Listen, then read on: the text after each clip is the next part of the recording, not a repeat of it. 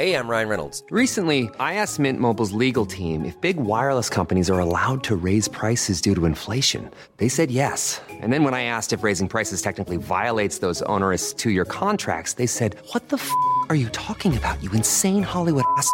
F- So to recap, we're cutting the price of Mint Unlimited from $30 a month to just $15 a month. Give it a try at mintmobile.com slash switch. $45 upfront for three months plus taxes and fees. Promo rate for new customers for limited time. Unlimited more than 40 gigabytes per month. Slows. Full terms at mintmobile.com.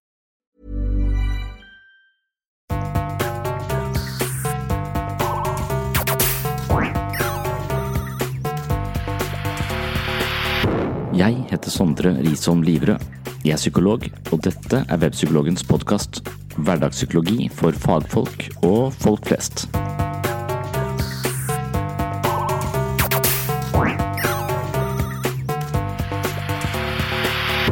Hei, og velkommen til episode 50 av Sinnssyn.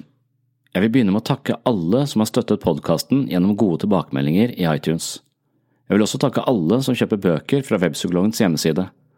Disse bøkene er på sett og vis en slags forlengelse av denne podkasten. Kjøp av bøker gir en liten økonomisk støtte til Webpsykologens prosjekt som handler om å snakke og skrive om psykisk helse, selvutvikling og filosofi for fagfolk og folk flest. Dagens episode skal handle om et tema vi har vært inne på før. Det dreier seg om ubevisste mønster, eller såkalte negative leveregler, som styrer måten vi tenker, føler og handler på uten at vi vet det. Ofte presenterer jeg en artikkel som en innledning til et foredrag, men i dag går jeg motsatt vei. Først skal du få høre en samtale jeg hadde med Studentsamskipnaden i Agder om forholdet mellom selvtillit og selvfølelse. Temaet sklir over i negative leveregler, og jeg vil gi en mer formell innføring i den teorien mot slutten av dagens episode. Men først tar vi altså turen til campus, Universitetet i Agder.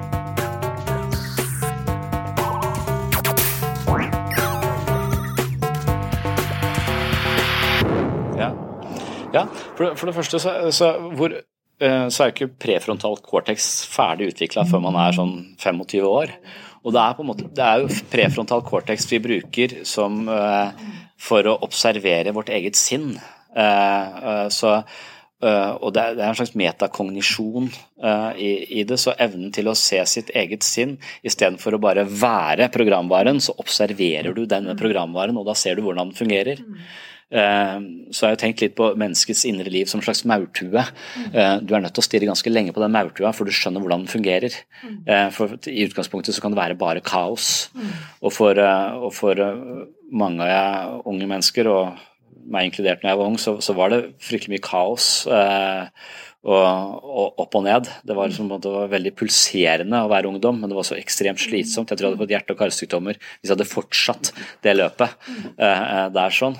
Uh, så, så, jeg, så jeg tror det er det er menneskelig sårbare faser, men fortsatt under utvikling. Mange av de, ikke alle selvfølgelig, for noen av de er over 25. eh, men det er begge, begge deler. Men der vil jo utviklingspsykologien liksom komme inn og, og ha masse forskjellige perspektiver på hvordan vi ble den vi, eh, vi er i dag. Og, og jeg tenker eh, en, en som Nathaniel Brandon, som ja, var kjæresten til Ayn Rand, og Ayn Rand er jo kapitalismens mor, var et slags monster i min uh, verden på en måte. Uh, men likevel så uh, Nathaniel Brandon eh, skriver veldig eh, Han skriver også en bok om selvfølelse, han, og han snakker om han snakker litt sånn Piaget-aktig om at vi lager oss eh, eh, skjemaer på alt vi foretar oss. og Han sier at en følelse er egentlig ikke noe annet enn en vurdering du har gjort av en situasjon på et tidligere tidspunkt som du har lagt på et lavere nivå i hjernen din. Eh, sånn at Han snakker også om sjelens følelse, så det finnes sorg og glede, det finnes ekte følelser, men veldig mange av de følelsene som ligger til grunn for psykisk eh, sykdom, er egentlig bare dårlige skjemaer. Eh, så han, sier, han sammenligner med det å kunne gå, f.eks. At du, eh, når du når du lærer deg å gå, så er du veldig bevisst. Dattera mi holder på å lære seg å gå nå, hun som er bare ett år. Og, og det er klart at hun tenker ganske mye på hvordan du skal komme seg over på andre sida der. Du ser, og hun er veldig bevisst, og amatører er bevisst, for de kan ikke dette. De er nødt til å tenke seg om hele tiden. Eh, så skal du ha venstrebein og så høyrebein, og så må jeg finne et nettsted å holde meg. ikke sant?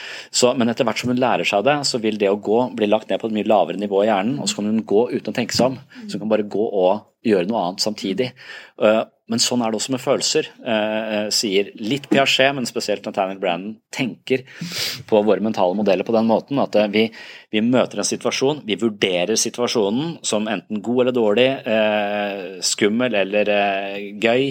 Altså, vi, vi, vi lager en vurdering av den situasjonen, og så legger vi den på et lavere nivå i hjernen, og neste gang vi møter en lignende situasjon, så dukker det opp en automatisk eh, skjema som bare fortolker situasjonen, sånn at vi slipper å fortolke hver ny situasjon på nytt. For Det er så mye vi skal fortolke, derfor så må vi fungere på autopilot. Og disse autopilotene består av skjemaer på bakgrunn av vurderinger vi da har gjort på et tidspunkt i livet hvor vi sannsynligvis ikke var veldig kompetente til å gjøre de beste vurderingene.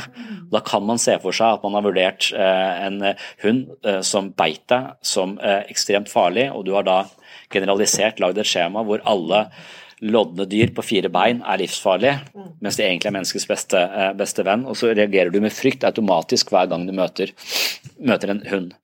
Og det er noe så, Du kan reagere på edderkopper osv. Da har du ofte eksponeringsterapi som, som, skal hjelpe oss med disse spesifikke tingene vi er redd for. Men det mer, det sånn generelle, det mer grunnleggende skjemaet må kanskje være selvfølelse. Hvordan har du lært å vurdere deg selv som menneske? Hvordan har du lært å vurdere din verdi? Og Der tror jeg at de fleste utviklingspsykologiske teorier vil si at det er dette med ubetinga kjærlighet eh, som er liksom, Du har covid som sier det, det, det er mange forskjellige måter å se dette på, interessante måter å se dette på, men grunnleggende sett altså, er du ubetinga elsket. Har du forstått at du som menneske er verdifull? Og Hvis du har det, så har du et grunnleggende skjema som på en måte ligger til bunn for alle andre opplevelser du gjør av livet.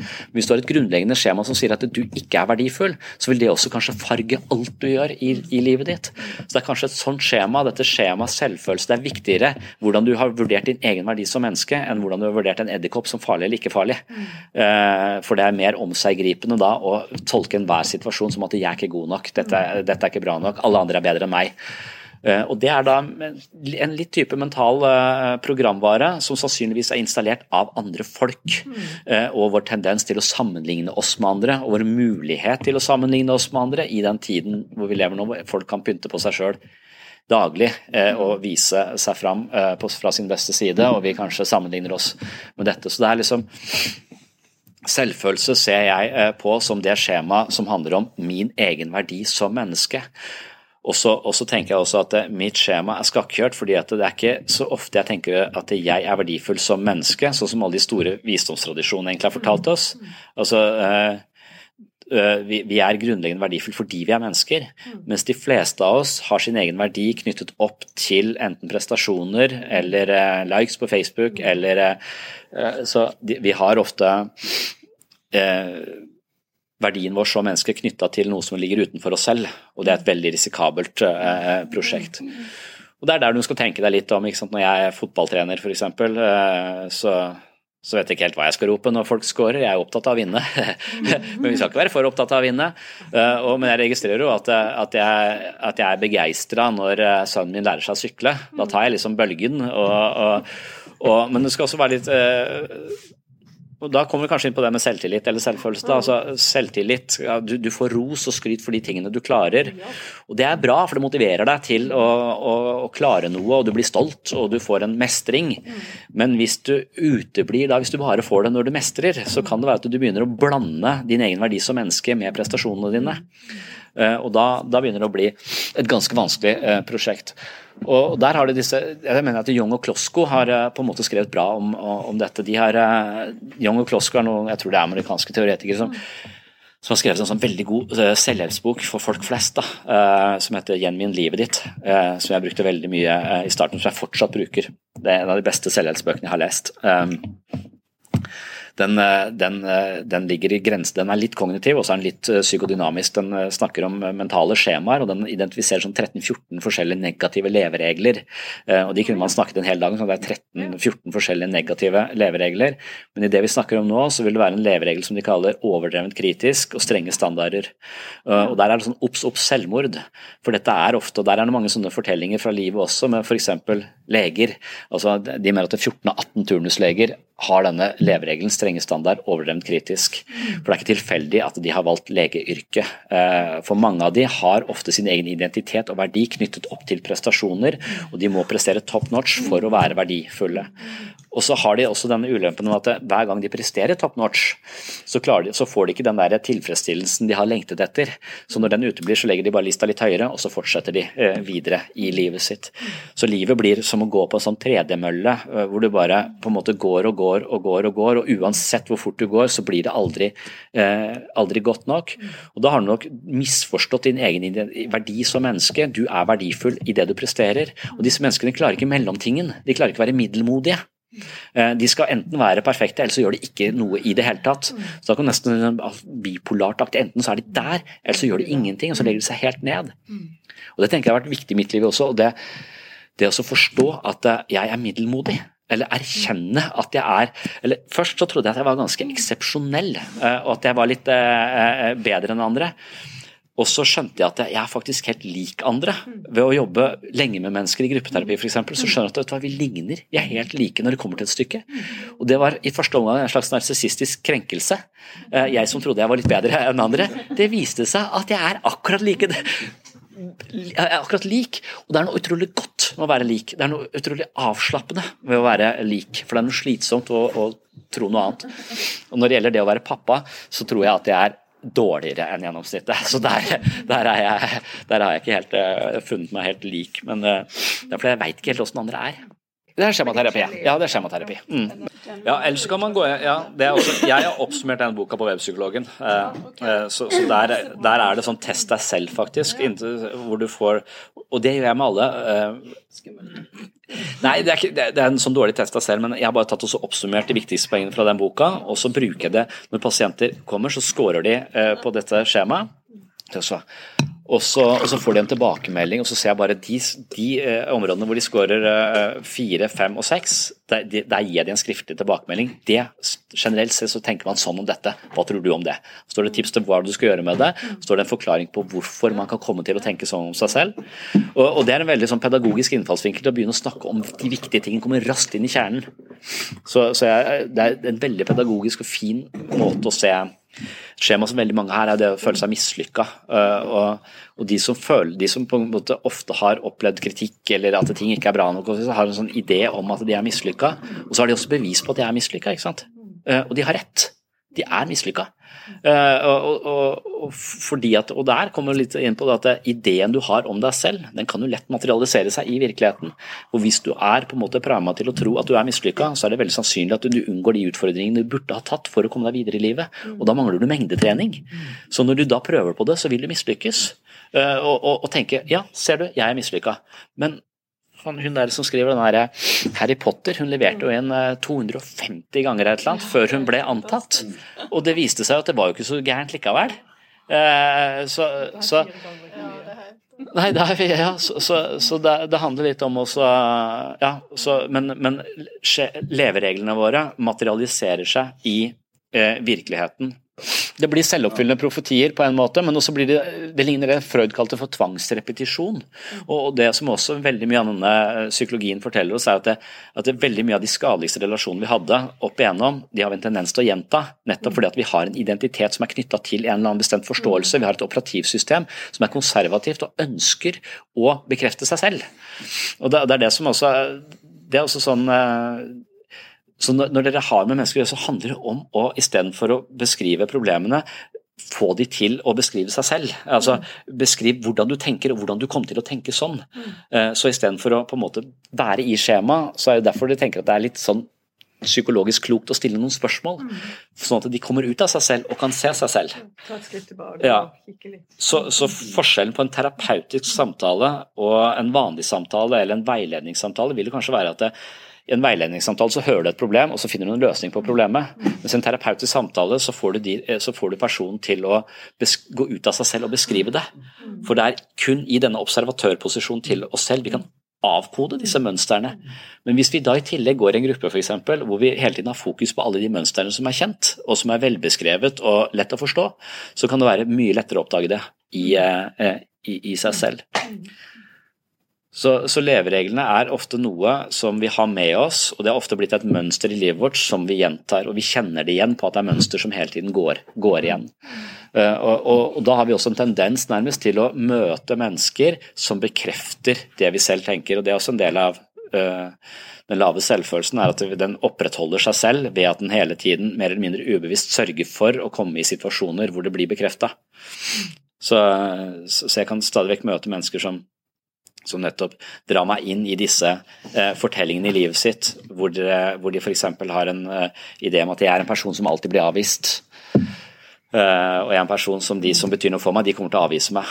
Og så er det typisk at de ringer meg fem på halv fire. Uh, det, de gjør ikke det bevisst, men, men, på et eller annet nivå så er det Jeg går fra jobb klokka halv fire. Jeg er veldig skeptisk til å ha folk, uh, små mennesker i barnehage altfor lenge. Så jeg vil være der så fort jeg kan. Så jeg kommer til å avvise deg i denne situasjonen. Og hvis vi da bare avviser det uten å si fra til hva, ser du hva som skjer nå, så, så vil du bare gjenta. Så vi må være bevisst mønsteret. Uh, og det mønsteret er liksom, De er så seige, de mønstrene der. Og jeg tenker Av og til så tenker jeg på det som at det, hvis jeg nå kommer hjem og har helskjegg, så, og ser meg i speilet, så vil jeg skvette. For jeg er ikke en person som får helskjegg i løpet av en dag. Altså det, det er, eh, da er det en eller annen uh, atomreaktor som har gått av her i, i, i Kristiansand som jeg ikke visste om. Så speilet viser meg hvem jeg er på utsiden, men andre mennesker viser meg hvem jeg er på innsiden. Så jeg søker til mennesker som bekrefter dette. Så hvis du har et lavt selvbilde, så er det veldig lett at du møter eh, mennesker som bekrefter nettopp det, som setter seg litt høyere enn deg, behandler deg litt sånn, uh, sånn dårlig. Og da kan du se på disse Games People Play, og hvordan vi hele tiden går inn i sånne spill som er veldig godt beskrevet av Eric Byrne. Og at vi da har en tendens, mer eller mindre ubevisst, til å nettopp bekreft, få bekreftet disse mønstrene. For andre hvis du da møter mennesker som overhodet ikke ser deg sånn som du er vant til å se deg selv, så vil det ofte være mer skremmende enn å møte mennesker som faktisk bekrefter at ja, du er jo helt udugelig. Mm. Eh, og kanskje tydeligst på de menneskene som lever i voldelige parforhold og, og, på en måte egentlig ikke får noen store problemer før de kommer ut av parforholdet og finner en, en som ikke slår de lenger. Ja, da kan det være en tendens at de ofte opp oppfører seg på måter som nesten skal fremprovosere et slag hos den andre, som kanskje i utgangspunktet egentlig ikke var en voldelig person, men som nesten, nesten blir det i møte med dette mennesket, for de vet hvem de er. Da, er ting, da kan jeg forutse fremtiden, på en måte. Men hvis du elsker meg og ikke slår meg, hvem er jeg nå? Uh, og det å stå på denne bare bakken og vite hvem er jeg nå hvis ikke jeg er det? Hvem er jeg hvis jeg får en B istedenfor en A? Altså, og, og der, det er så vanskelig. Og det, Hver gang vi skal redefinere oss selv og vår egen verdi, så må vi gå fra én måte å oppfatte oss selv på til en helt ny en. Og i mellomrommet her sånn, så er det en følelse av å falle fritt.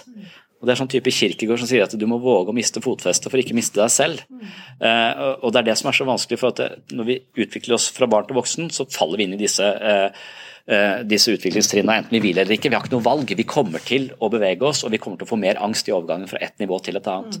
Men når vi er eh, voksne, så holder vi ofte på disse eh, selvforståelsene fordi det er så tungvint å endre de.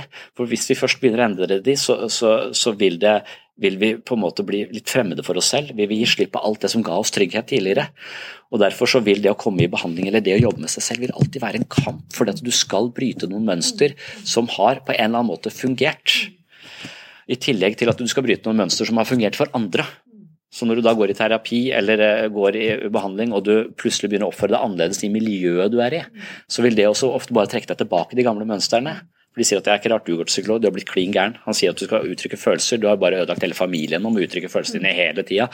Eh, så de gjør det kanskje bra i terapi, men med en gang de kommer tilbake til det miljøet hvor de er vant til å være, så hender det Jeg tror liksom at kulturen vår er som en magnet som drar oss opp hit. Når vi kommer hit, så er det Og vi skal utvikle oss videre, for dette her er ikke godt nok. Familiekulturen vår var ikke god nok. Jeg må videre. Så vil det fungere som en motmagnet som trekker deg tilbake igjen. Så med mindre du har med folket rundt deg, ellers må du være veldig bevisst denne motstanden du kommer til å møte både her og der da, når du er i, eh, i bevegelse. Det syns jeg er veldig viktig å formidle til folk, at det er ikke noen lett vei å gå, uh, å gå dette her. Du må ikke forvente at dette, dette er ja, her, herfra videre skal det bare bli bedre og bedre. Ja, det kan være ganske interessant, men du skal være innstilt på at dette her er, er noe som, uh, som, krever som krever noe, noe av det. Ja. Det, også, det, det, ville Eric Byrne kalt trebeinspillet. Mm. det er et spill mennesker spiller for å slippe å ta ansvar for sitt eget liv, egentlig. For det, altså, det, å ta ansvar for eget liv er ekstremt mm. krevende. Mm. Eh, og da er det veldig lett å, å, gi andre, sånn som han jeg snakket om i stad, han som eh, røyker mye. mye altså for han som identifiserer seg som et offer og har vært et offer, men kjenner ingen annen posisjon. Hvis han plutselig skulle gå fra å være et offer til å være en som er kompetent og takler livet sitt, så er den overgangen ekstrem. Hvem er jeg nå? Så det er kjempevanskelig å, å, å endre seg så, så mye. Så Erik Bjørn kaller det trebeinspillet, for han sier at jeg har, en, jeg har, et trebein, eller jeg har en vond fortid, jeg har uh, alkoholproblemer, jeg har uh, det, er, det, er, masse faktorer som gjør at jeg ikke kan leve livet mitt uh, sånn, som, sånn, som, andre. og det det, det syns jeg krangler med hele tiden. altså Jeg syns jeg kverulerer ofte. Det er ikke veldig terapeutisk, men veldig ofte så diskuterer jeg med, med folk eh, som hevder at pga. regjeringa, pga. ditt, pga. datt, pga. global oppvarming, pga. alt mulig sånne katastrofer som ligger utenfor deres liv, så kan ikke de leve. Det er ikke noe enhver fornuftig person vil være like deprimert og nihilistisk innstilt til alt og alle som det jeg er. Også ikke nødvendigvis. Altså, det, å, kjempe mot disse trebeinspillene opplever jeg av og til som en slags uh, altså en intellektuell kamp, nærmest. Jeg tror ikke det er spesielt terapeutisk å gjøre det. Det handler mer om å forstå hvorfor de tviholder på denne posisjonen sin, fordi de ikke på en måte tør, tør noe annet. Eh, men det er, veldig lett eh, å, å møte det. og dette dette har jo Eric Byrne litt fra Freud og dette med forsvar og sånn. For, for, Eric Byrne mener at det er veldig mange av oss, det er veldig mange følelser i oss selv vi ikke orker å møte. Når vi ikke orker å møte disse følelsene i oss selv, så legger vi de utenfor oss selv, og da er de lettere å håndtere. Og Et av eksemplene hans er hun dama som, eh, som har så lyst til å danse, eller som er så eh, hun har en sånn drøm om å danse hele livet, og så gifter hun seg med en fyr som bare vil se på Skavlan. Uh, og da er det uh, og så, så, så, på grunn av hun, Han kaller det vel uh, 'Hadde det ikke vært for deg-spillet'. ja, så hadde det ikke vært for han som bare vil se han kjipe fyren der, så kunne jeg liksom hatt et rikt sosialt liv og gått ut og dansa og, og så videre. Og så sier, blir han så lei til han sier at nå er jeg drittlei at du maser sånn, nå kan du gå med naboen, han er klar, så lar du meg se på Skavlan, så kan du gå og danse. Og så går hun og danser for å oppdage at hun er livredd for å danse offentlig offentlig. Så det er sin egen frykt. hun på en måte, så Han mener at vi veldig ofte arrangerer livet vårt da, rundt eh, Eller arrangerer livet vårt på en sånn måte at vi unngår mange ting i oss selv som vi ikke orker å, orker å møte. Eh, så, ja, så, vi ikke tåler. Og, og, frykt tror jeg er en sånn eh, komponent som eh, veldig ofte eh, ligger bak folks resonnementer ofte, om hvorfor det ikke passer dem, eller ikke det fungerer, eller ikke ditt og ikke datt. Eh, og, og da er det litt sånn viktig å, å ha et reflektert forhold til hva er frykt egentlig. Mm. Og, og, og der tror jeg veldig mange tolker frykt som et tegn på at dette er feil, og jeg bør snu. Eh, mens eh, psykologisk sett så vil man tenke at all forandring som virkelig betyr noe, er forbundet med frykt. En økt grad av angst i en, i en, overgang. Så hvis du føler ganske mye frykt i det du gjør, så kan du være på rett spor, ikke på feil vei. Dette, dette, er veldig sånn når folk skal ut i jobb, f.eks. Og hvis du har vært ute av jobb i mer enn to to måneder, så er det sånn 80% sannsynlig at du ikke kommer tilbake i jobb. Og det er ofte av sånne Folk forklarer nei, du skjønner at da smalt det til i ryggen igjen. Nei, du skjønner, det, det, Jeg følte bare det passa ikke meg, det var ikke min liksom. De har utrolig mange gode forklaringer på hvorfor dette denne måten å leve livet på ikke egner seg. Men veldig ofte så er den rasjonelle forklaringen løper på en måte angstens tjeneste. Og sørger for at de blir værende i det samme, eh, samme mønsteret. Og jeg tror ikke engang de tenker det Det er ikke det at vi lager falske historier bare for å lure noen andre. Vi lager disse historiene for å lure oss selv. Vi lyver for oss selv om vårt eget indre liv. Og vi har ikke reflektert forhold til hva frykt er for noe. Eh, så det også eh, Hvis du virkelig skal utvikle deg, så må du våge å komme ut av komfortsona. Mm. Og når jeg sier det til, eh, til, folk, så finnes det også de som sier at eh, det er greit, men eh, først må jeg finne en komfortsone. Jeg har ingen. Og det finnes også, også, de som på en måte er redde i enhver situasjon, som først må finne Og da må du begynne et helt annet sted. Finnes det som er trygt å være, for så å kunne Er det noen som ikke er trygge noen plasser? Ja, jeg vil si det. At det er noen som nesten uh, men de som allerede går på et universitet osv., de har uh, jo kommet et stykke. Uh, så de er på vei et sted. Men det at de da vil møte mye motstand, at de vil møte mye uh, frykt og omstillingsproblematikk, og at det ofte, og veldig ofte da sier det seg når du ikke har noe språk på følelsene, når du ikke har et språk på det som er nedi dette vannet, så får du det bare i kroppen. Du får en følelse av å drukne, da. og den er veldig fysisk. Så du har vondt i magen og du får vondt i ryggen. Du, du det er litt som det lille barnet som ikke har noe språk på sitt indre liv. Det får vondt i magen og vondt i hodet når de ikke vil på skolen eller noe sånt. Nå. Det er veldig sjelden de driver og legger ut med en sånn veldig psykologisk forklaring på som, hvordan de føler seg litt utestengt eller litt annerledes eh, enn de andre. Altså, så lenge du mangler språk på den smerten du har, så vil den ofte bli fysisk. Det er en måte å forstå bulimikeren på òg, eller eh, at den masse følelser som bare egentlig blir til sult. Og da kan vi gjøre noe med den, så vi kan spise, og så kan vi kaste opp etterpå. Så har vi på en måte kvitt hele Det er en veldig fysisk måte istedenfor en veldig mer psykologisk måte å, å, forholde seg til. Det er også et kapittel i den boka om selvfølelse, er, er rett og slett ja, aksept. Uh, at, at, folk, eller at det er første skritt på veien er aksept og aksept av situasjonen sånn som den er. Det betyr ikke at du skal ikke ville forandring, men du skal akseptere eh, situasjonen og ikke nettopp være i denne kampen. Eh, for eh, så sier sånn, akseptere at ting er sånn som det er. Så veldig mange bruker jo hele livet sitt på å krangle med øyeblikket og akseptere at ethvert øyeblikk skulle vært annerledes. Og Der er det mindfulness-ideen kommer inn igjen, og egentlig Fritz Perls og denne gestaltpsykologien også. Så man fikk folk liksom til å på en måte bare leve seg inn i et bilde. eller eh, også, Hva ser du? Jeg ser det, jeg ser det, jeg ser det. Ja, hva er problemet? Hva mener du problemet? Det er ikke noe problem. Så Hvis du på en måte kan frigjøre et øyeblikk her inne altså Her inne så er det ingen problemer akkurat nå, med mindre vi har tatt de med oss inn hit i en eller annen eh, forestilling om at dette burde vært annerledes. Så det å akseptere ting sånn som de er, en total aksept av livet sånn som det er, det tror jeg er nøkkelen til ekstremt mye helse, men det tror jeg er I sånne situasjoner så, så hjelper biblioterapi meg. For ofte så velger jeg artikler som nettopp er myntet på den personen der. sånn. Mm. Uh, og da vil jeg, En av de bøkene som jeg har oppsummert, er liksom 'Games People Play' av Eric Byrne. Mm. For den vil kunne sette et språk på dette, og han vil kanskje langsomt kunne erkjenne det via en sånn forståelse at vi omformulerer det til spill mennesket spiller. Uh, og, og når, det, når, det, på en måte blir og Eric Byrne har disse forskjellige Han, han drar egentlig veksel på Freud her, og så sier han at mennesket har et superego, et ego og et, et id. Men han omformulerer det, så han sier at vi har en foreldremodus, uh, en voksenmodus og en barnemodus. Og hver gang vi møter uh, verden vi, og møter andre mennesker, så vil vi på en måte operere i en eller annen modus. Og Hvis vi på en måte går inn i en situasjon som et barn, så vil vi anspore andre til å være foreldre for oss. Eh, og Det vil vi ofte møte. Så Noen mennesker vil på en måte tvinge deg ut av den du egentlig er. Så ego er mest sånn, den er mest sånn Ego skal megle, det er den fornuftige instansen, den voksne, modne instansen i oss. og Hvis vi kan møte ego-ego, eller eh, voksen-voksen, så er vi i en god dialog.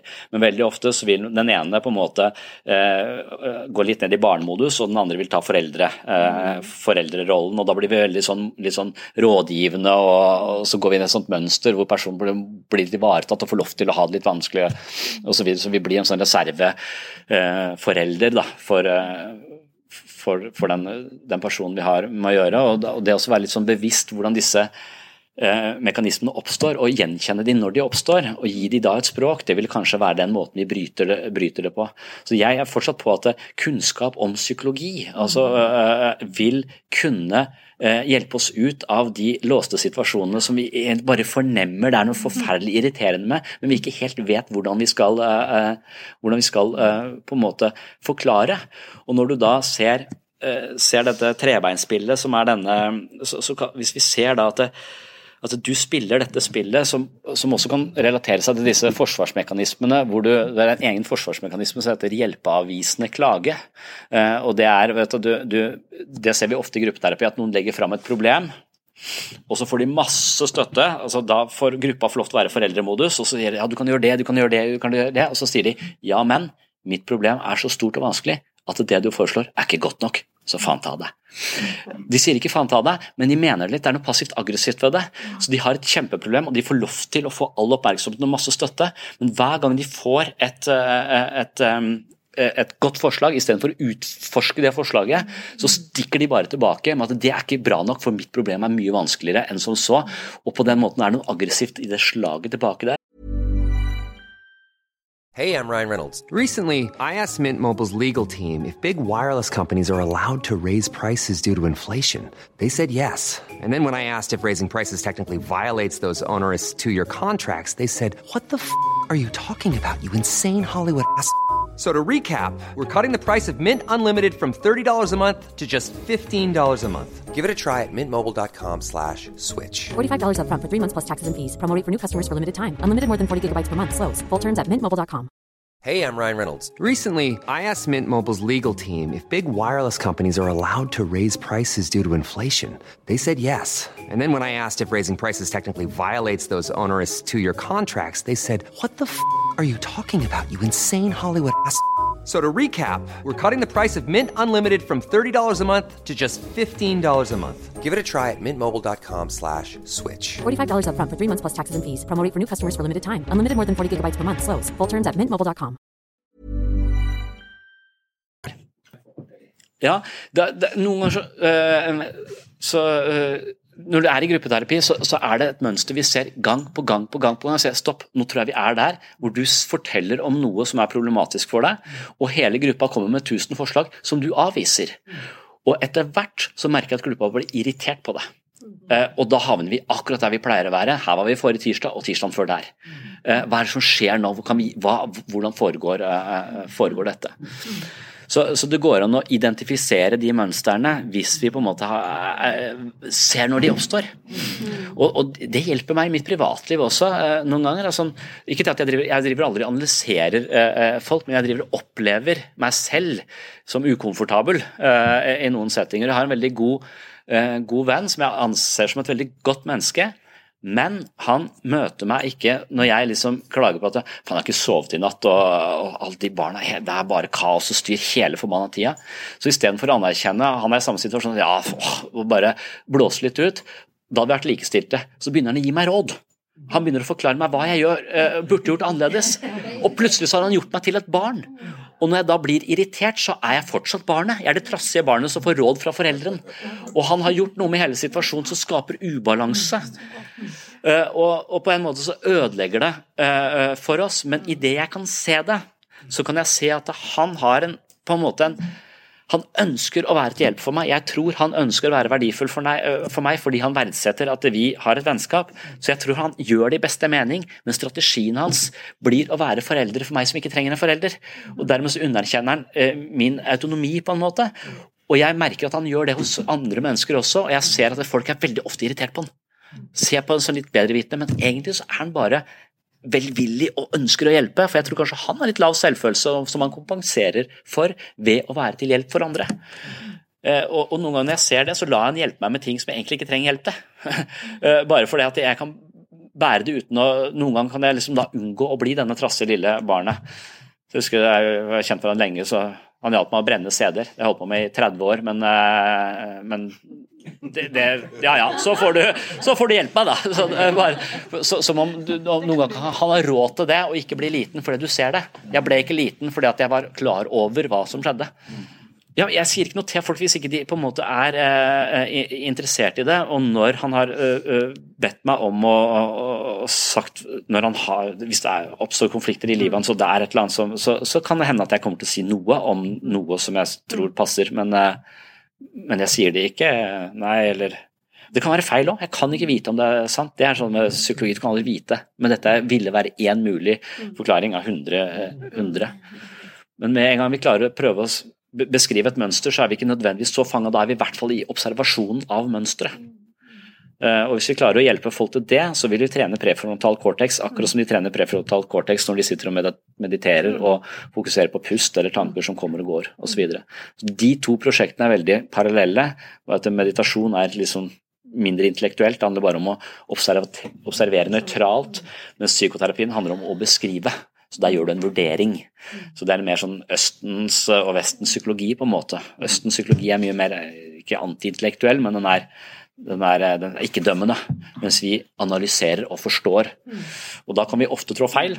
Og Det er en kritikk mot eh, terapi. At du lager en forklaring på operativsystemet ditt, og du bruker et allerede korrupt operativsystem for å forklare din egen korrupte ting. Så det blir bare sånn nullsumspill hvor du hele tiden bare er fanget av korrupte tanker som bruker seg selv på å fikse seg selv.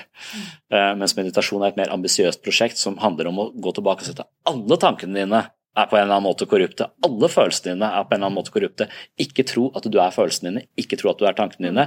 For med en gang du tror det, så vil du slite med selvfølelsen. For da vil du ofte tenke at jeg er god og verdifull hvis du har gode følelser, og dårlige mennesker hvis du har dårlige følelser. Og Det å la sin egen selvfølelse svinge i takt med humøret sitt f.eks. er et katastrofalt prosjekt. For det går jo opp og ned, kommer an på blodsukkeret ditt. da. Eh, hvorvidt du er, eh, har god selvfølelse eller ikke. Så Selvfølelse handler om å være forankra i seg selv utenfor all denne spillfekteriet som skjer i, i bevissthetens teater, kan man si, nesten. Uh, og jeg, for meg så virker det som nesten alle psykologiske teorier peker på det på en eller annen måte. Da.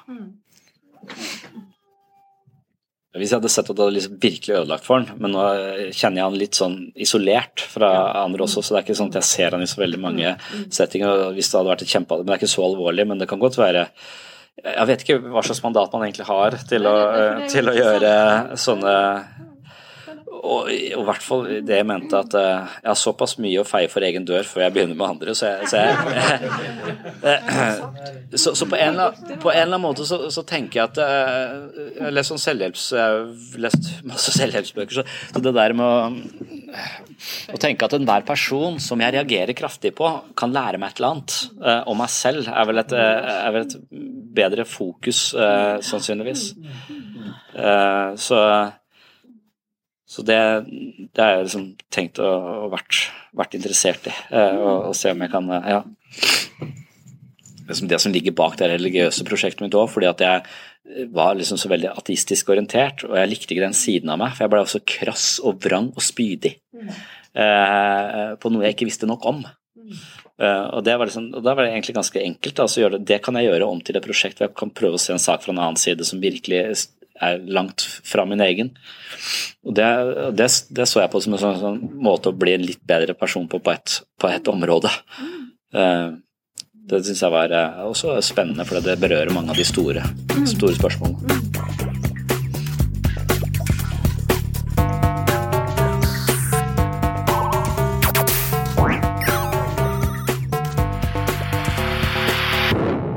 Det var det fra Universitetet i Agder.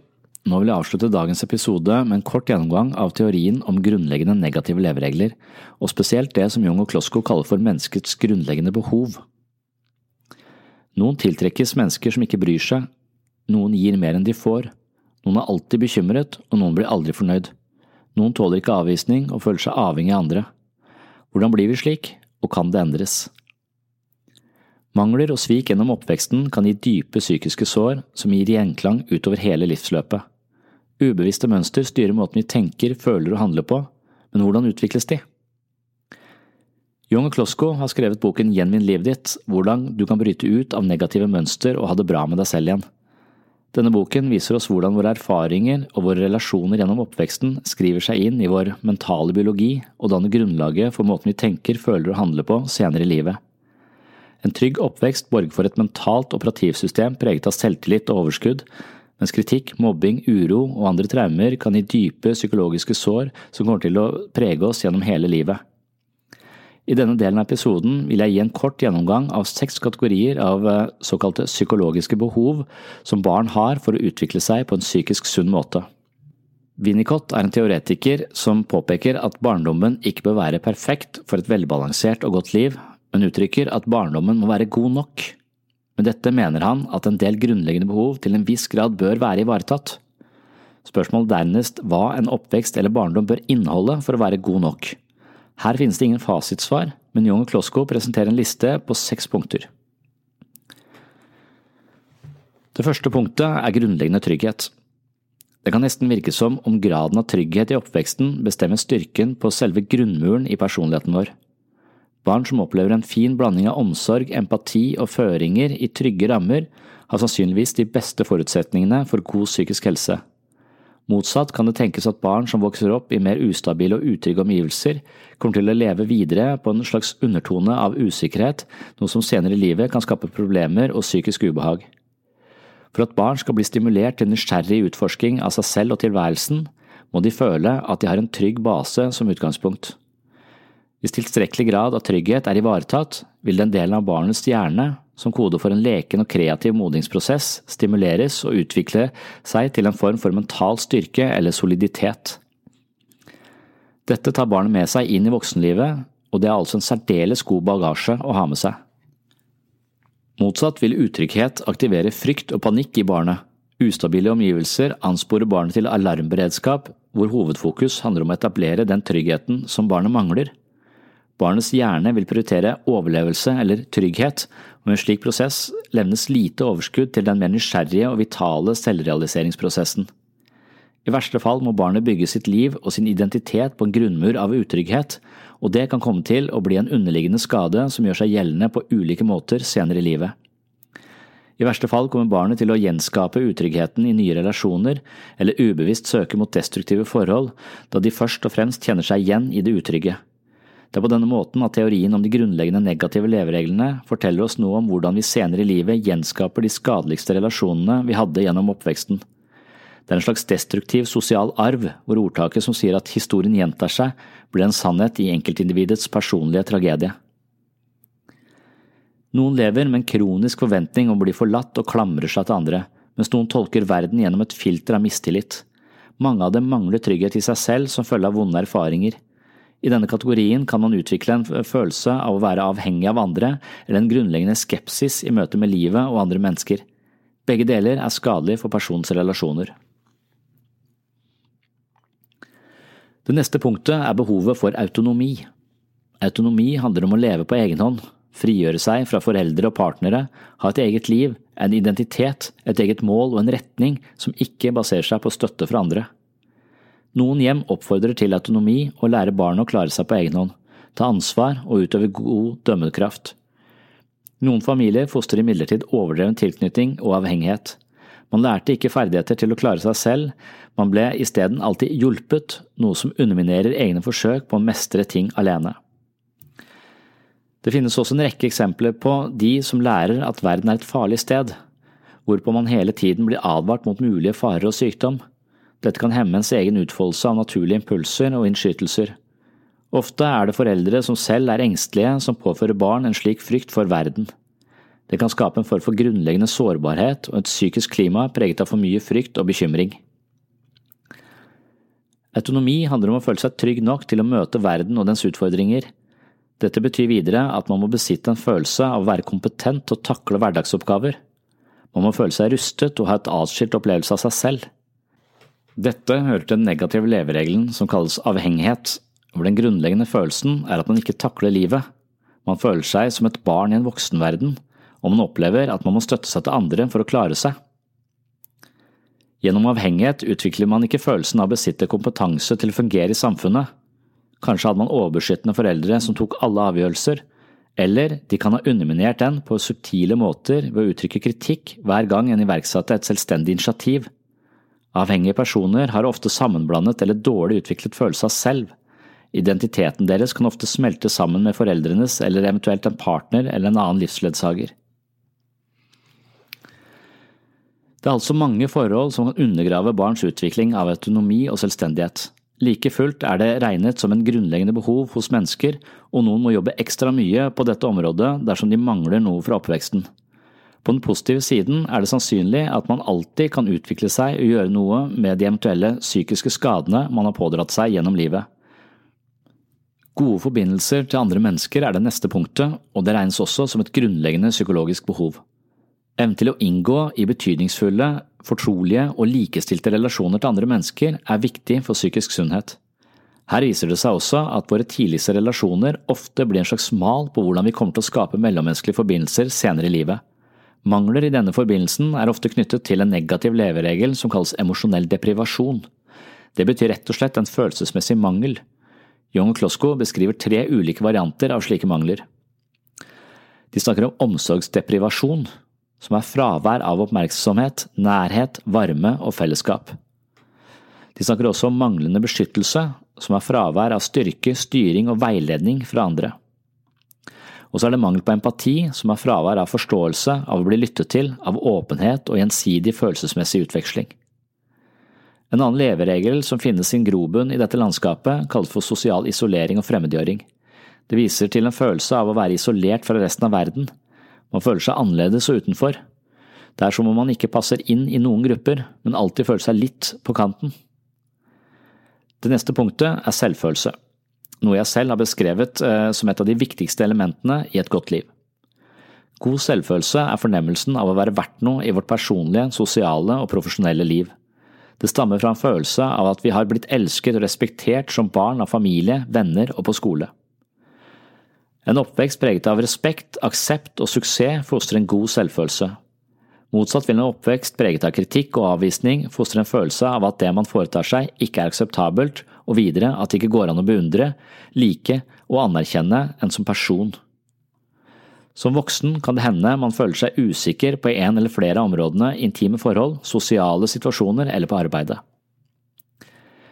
Leveregelen mislykkethet involverer en følelse av tilstrekkelighet overfor resultater og arbeid. Det er en følelse av at man er mindre suksessrik, begavet eller intelligent enn de man omgås.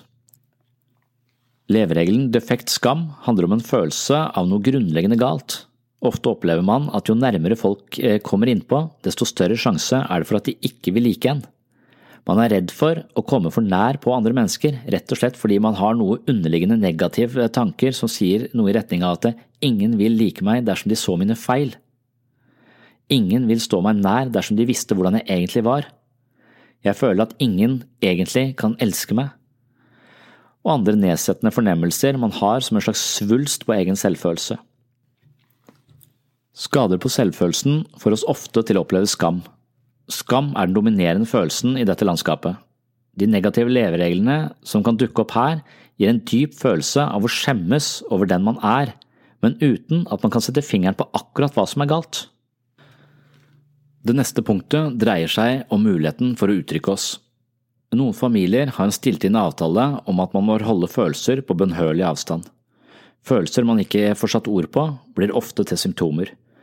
Muligheten for å uttrykke egne behov, ønsker og følelser er helt sentralt for psykisk sunnhet. Når man opplever at egne følelser og behov er en belastning for andre, eller opplever å bli kritisert, latterliggjort eller kjeftet på dersom man uttrykker sine preferanser, risikerer man å utvikle et svært problematisk forhold til eget følelsesliv. Følelser som ikke kommer til uttrykk på en fortrolig måte, kommer ofte til uttrykk på andre og mer destruktive måter. Noen jobber døgnet rundt, noen er overdrevent kritiske til seg selv med strenge standarder. Noen begynner med rusmidler, noen skader seg selv, og noen opplever at de emosjonelle spenningene kommer til uttrykk gjennom diffuse kroppslige plager. Dersom man sliter med å uttrykke egne behov, følelser og preferanser i møte med andre, kan det også hende man har en underliggende tanke om at man er mindre verdt eller mindre interessant enn andre. Noen har en tendens til å sette alle andre før seg selv, og det kan resultere i et negativt mønster som gjerne assosieres med selvutslettelse. Å vokse opp handler om å bli møtt på egne behov, oppleve omsorg og kjærlighet, og en viktig del av den prosessen dreier seg også om grensesetting. Det er det siste punktet i listen over grunnleggende behov for god psykisk helse.